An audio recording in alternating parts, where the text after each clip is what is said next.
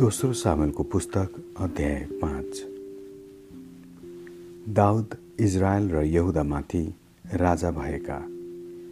तब इजरायलका सबै कुल हेब्रोनमा दाउद कहाँ आएर तिनलाई भने हामी तपाईँकै हाड र मासु हौँ।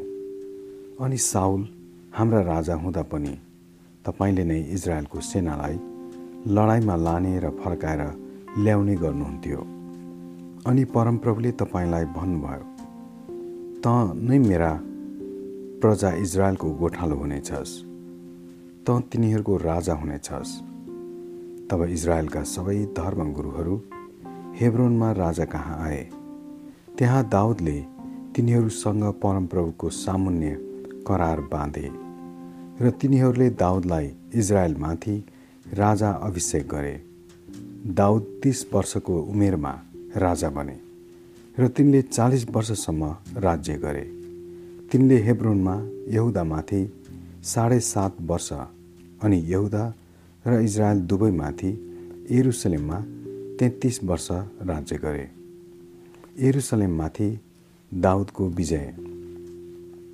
त्यसपछि दाउद राजा र तिनका मानिसहरू एरुसलेममा बस्ने एबुसीहरूलाई आक्रमण गर्न गए।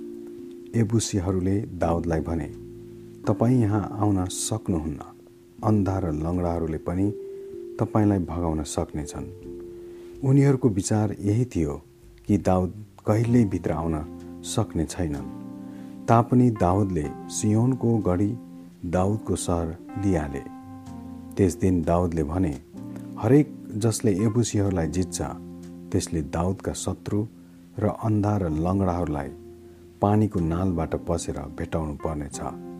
त्यसै कारण तिनीहरू भन्छन् कुनै अन्धा र लङ्गडा महलमा आउने छैनन्। दाउद त्यही गढीमा बस्ने लागे र त्यसको नाउँ दाउदको सहर राखे। दाउदले टेवा दिने गारहरूका भित्रपट्टि गढीका चारैतिर सहर बनाए अनि दाउद झन झन शक्तिशाली हुँदै गए किनभने सर्वशक्तिमान परमप्रभु परमेश्वर तिनीसँग हुनुहुन्थ्यो। टुरोसका राजा हिरामले दाउद कहाँ राजदूत पठाए। हिरामले तिनीहरूका साथमा देवदारूका काठ र सिकर्मी र डकर्मीहरू पनि पठाए अनि तिनीहरूले दाउदको निम्ति एउटा महल बनाए।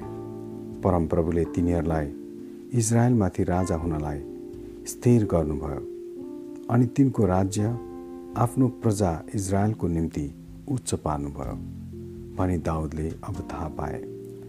हेब्रोनबाट सरेपछि दाउदले एरुसलेममा अझै धेरै उपपत्नीहरू र पत्नीहरू लिए अनि तिनका अरू छोराछोरीहरू जन्मे। एरुसलेममा जन्मेका तिनका सन्तानहरूका नाउँ यिनै हुन्। समूह सोबाब नातान सोलोमन इभार एलिसु नेपेग यापी एलिसामा एलियादा र एलिपेलेत। दाउदले पलस्तीहरूलाई परास्त गरेका दाउद इजरायलमाथि राजा अभिषेक भए भनी जब पलिस्तीहरूले सुने तब उनीहरू सेना लिएर दाउदलाई खोज्न निस्किए। तर यो कुरा सुनेर दाउद गढीमा ओर्लेर गए। पलिस्तीहरू आएर रपाईहरूको बेसीमा फैलिएर बसे। तब दाउदले परमप्रभुलाई सोधे म पलिस्तीहरूलाई आक्रमण गरौँ। के तपाईँले उनीहरूलाई मेरो हातमा सुम्पिदिनुहुनेछ? अनि परमप्रभुले जवाफ दिनुभयो जा म पलिस्तीहरूलाई तेरो हातमा सुम्पिदिनेछु। तब तिनी उक्लिएर गए र उनीहरूलाई बाल पराजिममा आक्रमण गरे। त्यहाँ उनीहरूलाई जिते। दाउदले भने नदीले आफ्नो किनार भत्काए जाइ परमप्रभुले मेरा शत्रुहरूका पङ्क्तिलाई भत्काइदिनुभयो। त्यसैले त्यस ठाउँको नाम बाल पराजिम राखियो। पलिस्तीहरूले आफ्ना मूर्तिहरू त्यहीँ छोडे अनि दाउद र तिनका मानिसहरूले ती लगे। पलिस्तीहरू फेरि आएर रपाईहरूको बेसीमा फैलिएर बसे।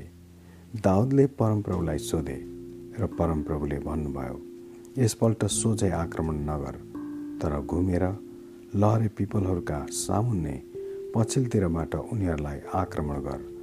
लहरे पिपलहरूका टुप्पामा हुरुकुरा हावा सुन्ने बित्तिकै झट्टै आक्रमण गरिहाल। किनभने त्यसबेला परमप्रभु पलिस्थीहरूको सेनालाई परास्त गर्न तेरो अघि अघि जानुहुनेछ। दाउदले परमप्रभुको आज्ञा बमोजिम गरे अनि पलिस्थीहरूलाई गिबोनदेखि गेजेरसम्म खेदेर थपाए। आमेन।